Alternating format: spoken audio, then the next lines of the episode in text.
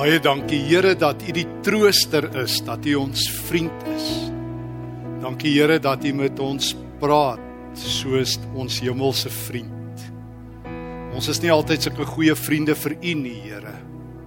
Ons is dikwels mense wat skinder oor U dat U ons nie genoeg help nie of dat U nie ons gebede gou genoeg beantwoord nie. En partykeer Here, los ons U hand en laat ons U in die steek Ons is jammer ons is sulke slegte vriende. Dankie dat U nie soos ons is nie, dat U nie ophou as ons ophou nie.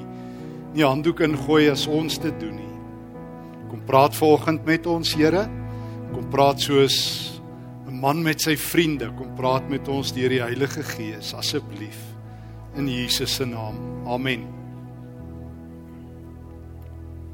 Ek onthou toe ek um, nog klein was en ook met my kinders het ons dikwels vir hulle sulke prente gegee wat jy moet inkleer, maar dan is daar sulke nommertjies.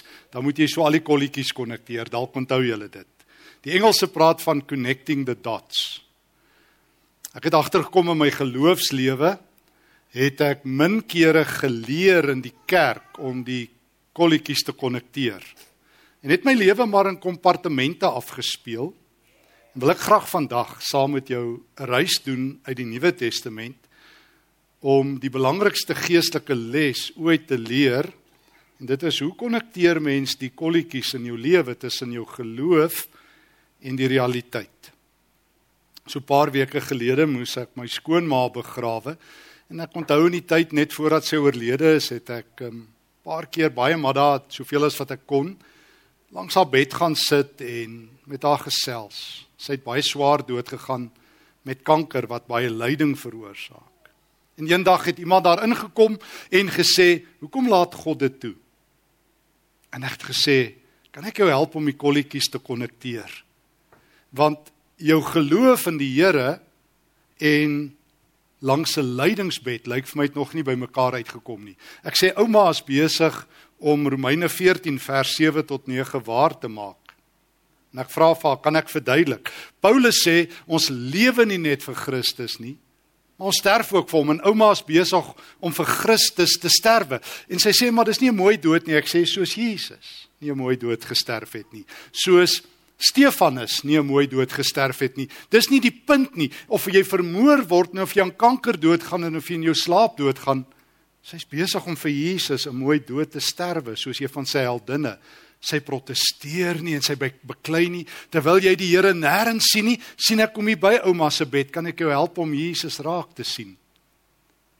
Iemand anders wat wil immigreer vra vir my wat wat is wat is die Here se wil? Ek sê wat van Christus want hulle soek nou 'n bewys dat hulle moet immigreer. Ek sê wat van Christus? Hy sê wat van Christus? Ek sê jy kan nie jou lewe leef of jy hier of daar of deur is sonder Jesus nie.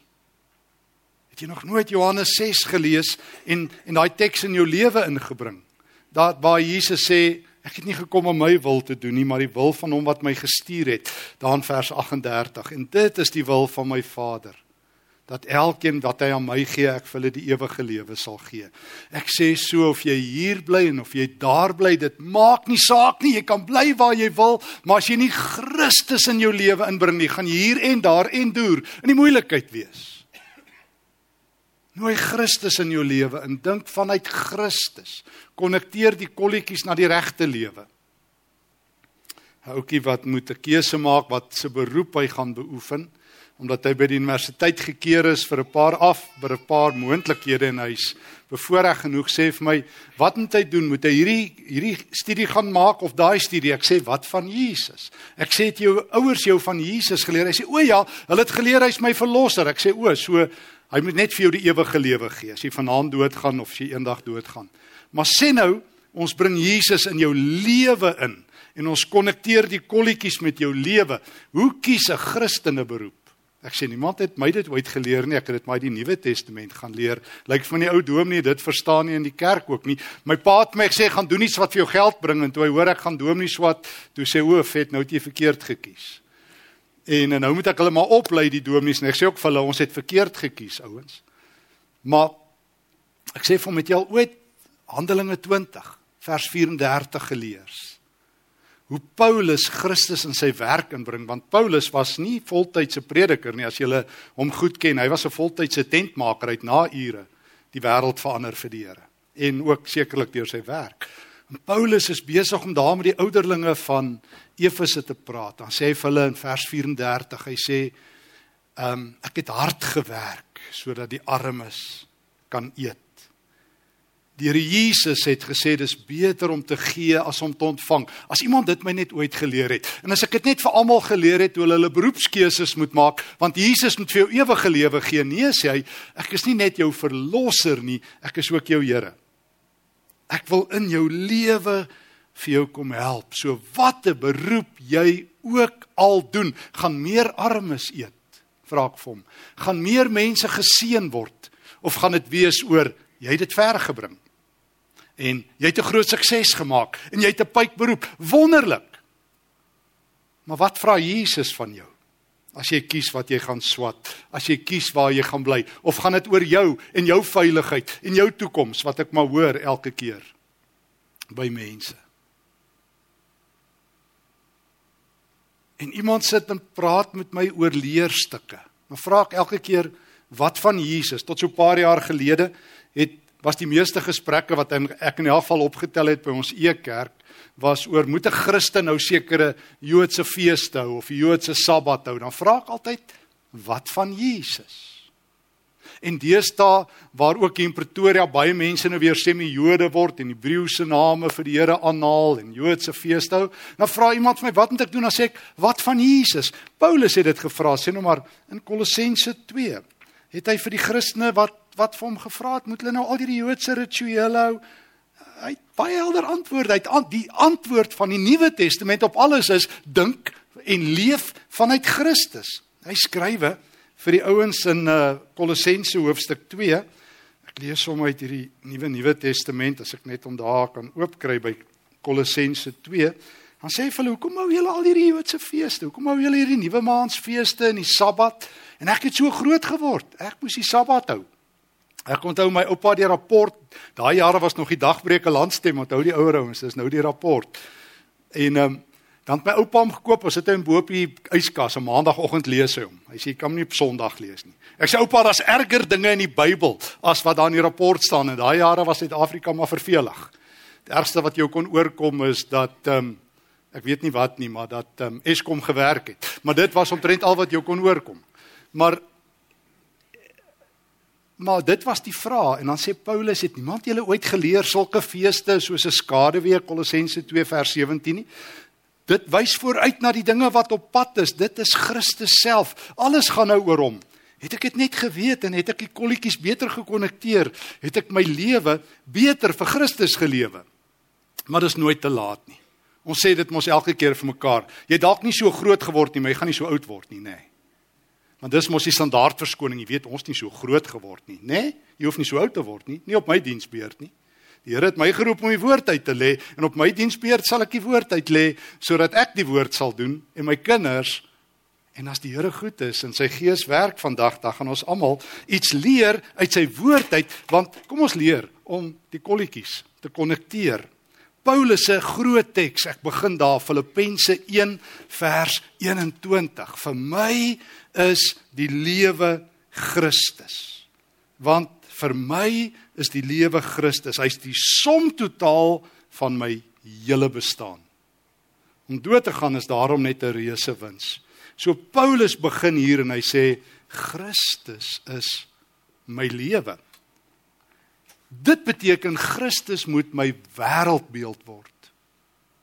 Ons almal het 'n wêreldbeeld. Jy het 'n wêreldbeeld al weet jy dit nie hoe jy dink oor kos, hoe jy dink oor klere, hoe jy dink oor hoe jy jou tyd inrig, hoe jy dink oor die Here, hoe jy dink oor mense, hoe jy dink oor nie gelowiges, hoe jy dink oor Suid-Afrika, kom uit 'n wêreldbeeld uit. En as iemand jou nog nie help dink het nie, um daai goeters word vir jou ingegee en dit bepaal sommer so onder jou onderbewussyn hoe jy die lewe beleef. Die Amerikaanse leierskapkenner Max de Pree, nie die Suid-Afrikaanse een, die Amerikaanse ou. Hy sê the first responsibility of a leader is to define reality for his or her followers. Die eerste werk van 'n leier is om vir iemand die wêreld te verduidelik. Paulus doen dit. Hy is oor en oor besig om vir mense wat Christen is te sê, kom ek help julle dat Christus julle wêreldbeeld is. En ek dink hy doen dit so op vier terreine, baie meer, maar ek wil net vier uithaal uit sy briewe uit. Heel eerste ding wat Paulus doen, hy sê kruis. Hy het dit oor en oor en agterste voor vir Christene geleer. Jy is saam met Christus gekruisig, nê. Nee. Galasiërs 2 vers 19 en 20, Romeine 6, Kolossense 2 vers 11. Ag jy ken die Bybel. Hy's oral besig om vir Christene te sê jy's 'n gekruisigde. As hy na die Korintiërs toe gaan in 1 Korintiërs 2, dan sê hy vir hulle ek gaan met julle oor niks praat nie as Christus en hom as die gekruisigde. Jy leef die kruis se lig val op jou lewe. Kolossense 2 vers 14 terwyl ek hier by Kolossense is. Hy skryf dit daar vir die gemeente, wat het alles nie by die kruis gebeur nie. God het die aanklagstaat vernietig waarop al ons sondes geskryf is. God het hierdie aanklagte verwyder uit ons lewe, hy het dit vasgekap aan die kruis. By die kruis het God ook die onsigbare heerskappye en magte kaal uitgetrek. So die kruis is jou nuwe identiteit. Ek dink ek het al vertel, ekskuus as ek herhaal, maar 'n ruk gelede vra iemand vir my van watter Jobers is ek? Ek sê van die gekruisigde Jobers. En toe hy lag, toe sê ek dis omdat jy nog nie geleer het om jou selfs jou voorgeslagte deur die kruis te dink nie. Ek is so verseker jy van daai Jobers wat saam met Jesus by die kruis gekruisig is. Ja, maar van waar af kom jy? Ek sê van Golgotha af. My pa kom van Harry Smit af, maar ek kom van Golgotha af. Ek is van daai Jobers. Ek is gekruisig. Ek leef nie meer nie. Christus leef in my. So die kruis is die lig wat my lewe verlig. So as jy vir Paulus as as Christene vir Paulus vra Paulus, wie's Jesus? Want ek het al agtergekom, vat 'n Christen, 'n gemiddelde Christen wat in die kerk groot geword het in 2022, sit hulle tussen 'n klomp nie Christene en hulle verloor hulle geloof vinniger as wat jy kan sê die springbokke speel nie goed nie. Dan het jy moeilikheid Want Christen het nie geleer om hulle lewe vanuit die kruis te bedink nie. So as jy my vra wie is Jesus? Hy's die ene van die kruis. Hy's die Here van die kruis. Hy gee vir jou nuwe lewe by die kruis.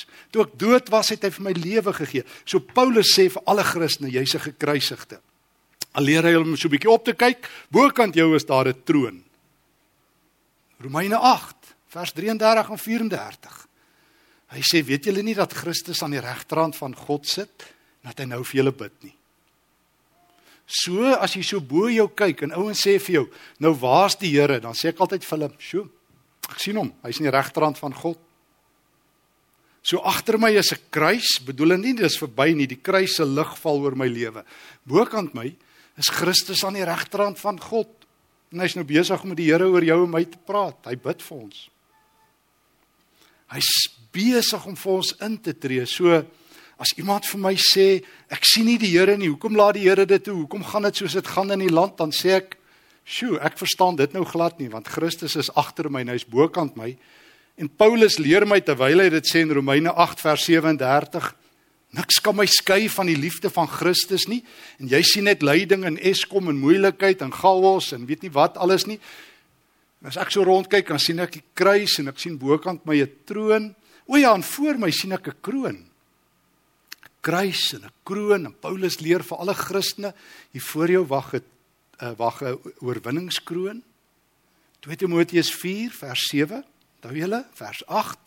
Ek het die goeie stryd gestry. Ek het eintlik gehardloop, nou wag die oorwinningskroon op my. So my lewe is nie noodlot en what must be must be en wat moet gebeur sal gebeur nie. My lewe speel in Christus af. Voor my wag 'n oorwinningskroon. En as jy dit nie verstaan nie en as jy nie die kolletjies konnekteer dan gaan jy baie moeilik antwoorde hê. As mense by 'n sterfbed sit en hulle sê vir jou hoekom gebeur dit, dan gaan jy sê o nee, ek weet nie, jy sal laat. Toe maar ons sal later verstaan die standaard antwoord. Dan vra ek altyd vir hulle om te wat? Wat wil jy later beter verstaan? Wat gaan dit jou nou help as jy weet die Springbok het gister sleg gespeel? Miskien ek weet nie, dalk sal dit vir iemand help. Maar wat gaan dit jou help? Wat gaan dit jou help as jy beter die Nuwe Testament ken dat Christus is deur die kruis by my. Hy is hy is die een wat regeer. Hy is die een wat 'n oorwinningskroon vir my vashou. Wat sê jou lewe is nie sinneloos nie. Al dink die wêreld so. Al gaan jy wreed dood al vermoor hulle vir Stefanus in Handelinge 7, wat doen hy? Ons het mos al oor daai teks hier gepraat. Dan kyk hy so op en sê hy ek sien vir Christus aan die regterhand van God die Vader. Ek meen hulle vermoor hom. Hoe sleg kan dit wees? Suid-Afrika op steroïdes. En hy kyk so in en hy sê ek sien die seun van die mens. Hy sê Here, U kan my kom haal, ek is reg. U kan my vat. So kry se kroon en die voor jou 'n oor 'n oorwinningskroon, die bokant jou 'n troon en jouself is 'n tempel. Kruis, kroon, troon in 'n tempel. Ek het groot geword in die kerk dat die ouderlinge baie keer gebid het. En nie van standaard gebede ek hoor dit so in my kop is wat die ouderlinge altyd gebid het. Een oom veral ag Here ek is so 'n ou sondaar. Hulle het altyd eers vir die Here herinner hoe pateties is hulle. En dan het hulle begin bid en nou die dag eers elders in die land waar ek preek en die oom bid dit toe sê ek vir myself myself hier stop dit en ek het na die oom toe gestap of hom sê oom wat's fout in jou lewe ek hoor jy bid so elke keer as jy bid jy's 'n sondaar nee hy's maar so geleer ek sê oom so nou jokkie nou vir die Here of is jy nou regtig 'n sondaar Maar ons nou hierdie ding uitsorteer. Jy kan nie vir die Here iets sê wat jy nie bedoel nie, want ek het gedink as jy met die Here praat, bedoel jy dit. Behalwe as dit nou is soos by die eetes, niemand bedoel dit nie. Here, 1 2 3, daar gaan ons eet. Meeste ons bid maar sonder om dit te bedoel, weet nie eers wat gebid nie. Maar dis 'n ander storie. Maar oom, bedoel jy dit nou dat jy 'n sondaar is? Ek sê oom, ken jy die Nuwe Testament? Ek sê nee maar hy het maar so geleer. Ek sê maar kan nie help as ou dom nie dit nie geken het nie en jy dit ook nie ken nie, maar die Nuwe Testament noem nooit God se kinders sondaars nie. Vir dieselfde rede, ek vra vir hom oom alhoewel dit kan verduidelik. Toe jy jou kind nou 'n naam gegee het, het jy jou kind 'n naam gegee. Wat is die naam? Hy sê Hendrina iets. Ek sê jy ja genoem Hendrina Sondares van 'n wald. Nee sê hy. Hoekom nie? Sê dis nie 'n mooi naam nie. Ek sê nou hoekom gee dink jy God sal vir jou so 'n lelike naam gee? Maar jy glo dit omdat jy nie die kolletjies konnekteer en nie die woord van God ken en nie getroos lewe nie en nie antwoorde het vir die lewe nie en ongelukkig is omdat jy nie toelaat dat Christus jou lewe is nie. Kyk watter groot liefde het God aan ons bewys. 1 Johannes 3 vers 9. Hy noem ons kinders van God en ons is dit ook. Kyk hoe noem Paulus alle gelowiges in elke brief waar hy begin, geroepe heiliges. En toe gee ons daai term vir die rooms-katolieke. Geen Christen wil ooit hoor hulle is heilig nie. Ek het so 'n paar jaar terug vir al my vriende as ek e-pos skryf, ek dink ek moet dit weer begin doen. Het ek hulle aangespreek as heilige Gert en heilige Johan en heilige Jan. Dan word hulle kwaad, dan sê ek glo hulle nie die Bybel nie. Glo hulle nie die Nuwe Testament nie. Paulus begin elke brief behalwe vir Galasiërs, hy's te kwaad vir hulle in die Kolossense brief om 'n ander rede. Maar hy begin hy en dan vertel hy vir elke Christen hoe kosbaar is hulle. God spreek ons aan as heiliges. Hy spreek ons aan as sy kinders.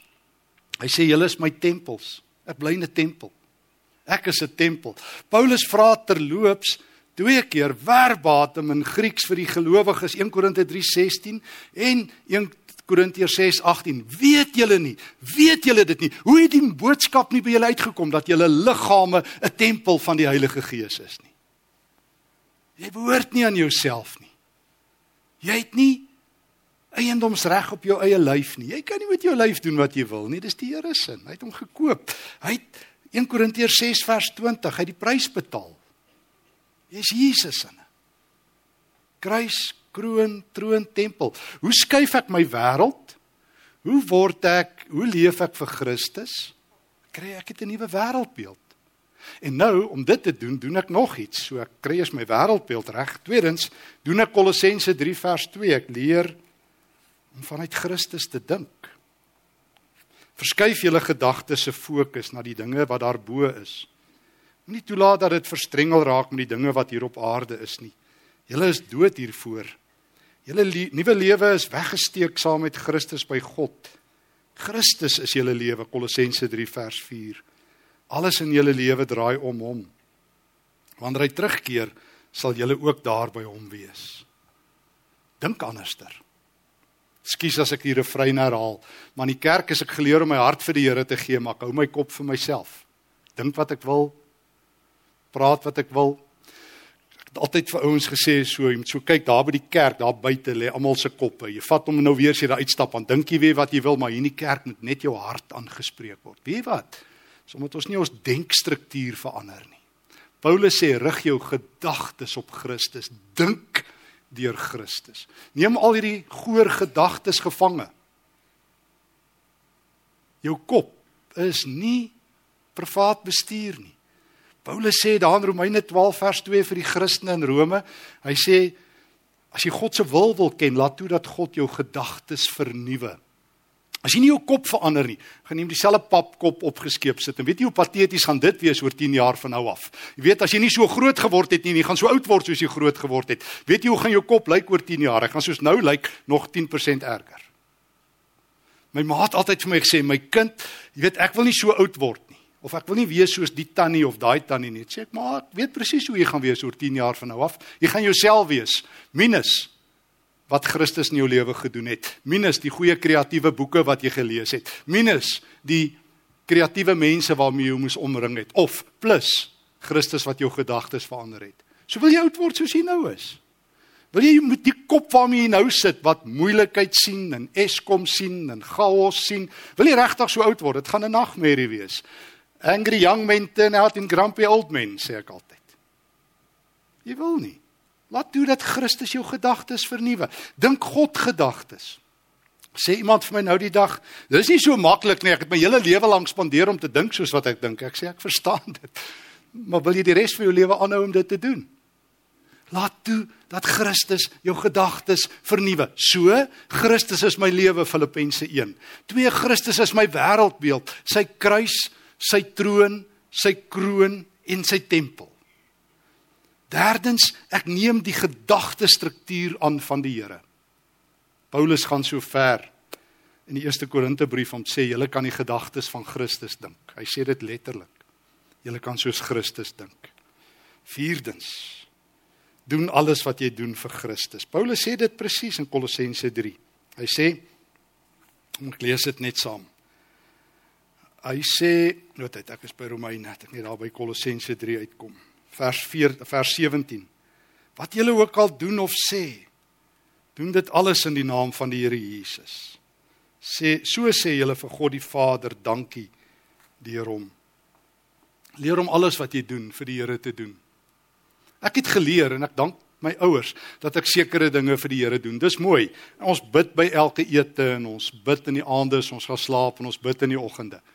Maar ek is nie geleer om die Here as die Here gas by die ete te hou nie. En as ek luister hoe party etes gaan nadat ouens gebid het, kom ek agter. Mense het eintlik vir hom gesê, "Dankie Here, het nou die kos geseën. U kan nou gaan. U kan nou met die minder bevoorregtes wees soos wat baie mense bid. Wees u met die minder bevoorregtes, ons eet styk, so iets. Ek weet nie. Ek weet nie of dit is wat hulle bid nie. Maar ehm um, u kan nou die kamer verlaat. Maar ek wil hê Christus moet die eregas wees van elke ete.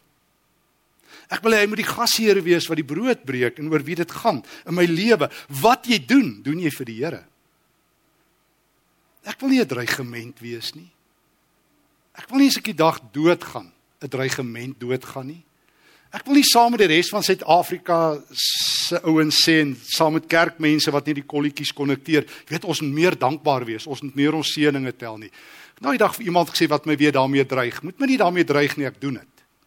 Ek hoef nie gedreig te word ek moet dankbaar wees nie. Ek staan dankbaar op, ek leef dankbaar en ek gaan slaap dankbaar. En ek gaan slaap nie totdat ek dankie gesê het vir die Here nie. En ek staan nie op totdat ek dankie gesê het nie. En ek leef nie as ek met 'n dik klip lank gesig lewe nie, want ek kan nie bekostig om die lewe van Christus so deur te bring nie. Want die lewe van Christus is 'n lewe van vreugde as ek 1 Tessalonisense 5 lees en al Paulus se ander tekste. So wat ek doen, doen ek vir die Here. Of die res van Suid-Afrika dit nie doen nie. Dit moet hulle met die Here uitklaar as hulle nie by 'n robot stop en die land verwoes nie. Maar ek het gekies om op my diensbeurt vir Jesus te lewe. En dis al wat hy vir my gaan vra, het jy dit toe gedoen, Stefan? Ek het dit vir jou geleer en net kerk het julle dit toe gedoen. So, die lewe van Christus is nie ingewikkeld nie. Ons het dit ingewikkeld gemaak omdat ons ons lewe in sulke kompartemente gemaak het. Ek het geleer Ek weet nie of dit my ou dominee was wat 'n voorliefde gehad het om oor sonde te preek nie, maar hy het baie uit sonde goed geken. Ek het agtergekom hy kan baie daaroor preek. Maar ek het min kere gehoor oor die Here wat my vry maak. My geleer het as ek uitstap sien ek Christus op 10000 plekke. Ek gedog die Here is nêrens nie en dis sonde. En nou toe in hierdie afgelope tyd, ek moet vanaand daar by Hippolaan preek oor die eindtyd. Wil ek ook juis vir die ouens sê in hierdie eindtyd het ouens net weer duiwels en weet nie wat alles gesien nie. Mense is so goed om moeilikheid te sien in die kerk. Jy kan nie glo nie. Hulle het 'n swart beld en duiwel uitdrywery en ek weet nie wat alles nie. Christene is so goed op die duiwel en op alles, maar op die Here. Mm -mm. Vir my is om te lewe Christus. Kolossense 3 vers 4. Christus is jou lewe. Hoe doen jy dit? Wel jy begin deur die kruis dink. As iemand vir jou sê waar's die Here? Wel, dis die gekruisigde Here wat my Here is. Dis die Here wat wat op sy troon sit wat my Here is. Dis die Here wat hier voor ons staan met sy kroon wat my Here is. Dis die Here wat besig is om my lewe te omvorm tot 'n heilige tempel wat my Here is. Dis die Here deur wie ek dink wat my Here is. Dis die Here deur wie ek lewe, deur wie ek praat en doen. En laaste daarmee sluit ek af. Dis die Here vir wie ek lewe en sterwe terug na Romeine 14. Wat ek die middag toe ek langs my my dierbare ma se bed sit en sy sterwe. Vir die ander dame gesê het wat net God nêrens gesien het nie, terwyl ek vir Jesus om elke hoek en draai op 10000 plekke sien. En ek vaar toe gelees het Romeine 14 vers 7. Nie een van ons leef vir onsself nie. Ook gaan nie een van ons dood vir onsself nie. As ons leef, leef ons om die Here te eer en as ons doodgaan, gaan ons dood om die Here te eer. Dis en of ons lewe en of ons doodgaan, ons is die Here se. Nou hoekom is die dood so? Hoekom moet ons altyd die dood verklaar? Hoekom moet ons 'n wrede dood verklaar? Hoekom moet ons kanker verklaar? Hoekom moet ons hijacks verklaar? Die Nuwe Testament doen dit nie want die Nuwe Testament dink uit Christus. Christus is jou lewe. Hy was by jou toe jy geleef het. Jy kan hom vertrou met jou dood. Ek wonder of ek wonder te loops of baie Christene dit reg kry. Iemand vertel my 'n ruk gelede, weet, hulle het geen hoop vir Suid-Afrika nie. Ek sê jy daarom hoop vir die ewige lewe? Ek sê so jy vertrou die Here vir die ewige lewe, maar jy vertrou hom nie dat hy jou die volgende week kan help nie. Ek dink um, ek wonder of die tweede vertroue waar is. Maar as jy die Here vertrou met die ewige lewe, dan behoort jy vir hom te lewe. Paulus sê as ons leef leef ons om die Here te eer. As ons doodgaan, gaan ons dood om die Here te eer. Dis of ons lewe of ons doodgaan, ons is die Here se. Ons behoort aan hom.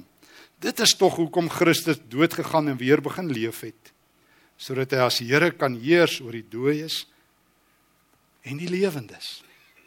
My lewe is die Here se, hy het kaart en transport op my lewe. Nou vandat ek so stukkie en stukkie begin verstaan, verander die legkaarte in my lewe en kom maar 'n groter vrede en 'n groter vreugde. Het ek geleer om my taal te verander. En as dit nie maar net hare klowery nie, vroeër het ek my hart vir die Here gegee. Nou wil ek eerder Christus se hart hê. As 'n jong ouetjie het ek mense geleer hulle moet Jesus in hulle lewe innooi. Nou dat ek ouer word en die woord beter verstaan, hopelik of die Gees dalk my dwaasheid aanspreek, leer ek om vir mense te sê julle moet nie Christus in julle lewe innooi nie. Hy nooi julle in sy lewe in. Jy het dalk nie so groot geword nie, maar dis tyd dat jy in die lewe van Christus instap. Dit was juis daai een middag daar by Caesarea Philippi toe Jesus vir Petrus hulle gevra het in Matteus 16, "Wie sê julle is ek?" dat Petrus sy groot belydenis gemaak het, "U is die Christus." En in Markus 8 se weergawe daar by vers 3:34 toe sê Jesus vir Petrus, "Petrus, As jy agter my wil aankom, as jy my wil volg en jy my kruis optel. Jy moet die lewe van 'n gekruisigde lewe. Petrus, jy moet jy moet een ding weet sê Jesus vir hom daai. Jy gaan alles verloor. Jy gaan jou lewe verloor. Jy gaan dit verloor oop oë en doelbewus. En dan, as jy my kruis dra, het jy niks om te verloor nie, want jy klaar alles verloor. Dis die groot sorgvryheid van 'n volgeling van Jesus wees. Ek het klaar alles verloor wat kosbaar is. Ek het klaar my lewe verloor. My lewe behoort nou aan hom wie ek die Here noem, Christus. Hy's my lewe. Hy's groot. Wie is hy vra jy? Hy sit op sy troon aan die regterhand van God, nie om te heers nie, maar om te bid. Ja, ook as heerser. Hy het deur sy kruis alles betaal. Ek sien sy kruis elke plek om my.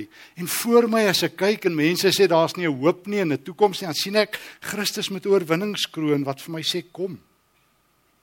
En ek sien hoe hy my lewe verander en verander van heerlikheid tot heerlikheid soos hy beloof het hy sal doen, dat dit die normale Christelike lewe is dat ek verander. Dis dis nie abnormaal om nie te lewe nie. Dis normaal dat jy verander tot eer van die Here. 2 Korintiërs 3. O en ek leer al hoe meer om my eie ou morsige gedagtes op die Here te fokus. En ek leer om minder eienaar bouer te speel en meer kere vir die Here die die die boumateriaal oor te gee om 'n tempel te bou. En dan kom ek agter die dood is ook 'n werklikheid. sien dit elke dag rondom ons. Maar ek weet een ding. Ek lewe vir die Here. En of ek so Stefanus met klippe doodgegooi word, of ek soos van my ander vriende in hulle slaap sterwe, dit maak nie saak nie. Want ek is nie net geroep om vir Christus te lewe nie, maar om ook vir hom te sterwe. En ek dank die Here dat hy die kolletjies beter begin konnekteer. Mag die lewende Here dit vir ons elkeen doen. Amen. Dankie Here dat U besig is om in ons lewens nuwe dinge te doen. Nuwe verbande te trek. Dankie Christus dat U my lewe is. Dankie Christus dat U my gekruisigde noem saam met U. Dankie dat U as koning nie net heers nie, maar bid en intree. Dankie Here Jesus dat U staan met oorwinningskroon vir my as gelowige. Of ek jonk of oud is of 'n lang pad geloop het en 'n kort pad geloop het of ek grondpad loop of gelykpad, dankie dat U wag met oorwinningskroon. En dankie dat U besig is om hierdie ou tempel mooier en helderder te versier sodat U meer tuis kan wees in my lewe. Dankie dat my lewe U sin is. Leer my om te dink soos U, te lewe vir U en uiteindelik ook te sterwe vir U. Ek plaas my lewe opnuut in U hande as ek bely. U Christus is my lewe. Amen.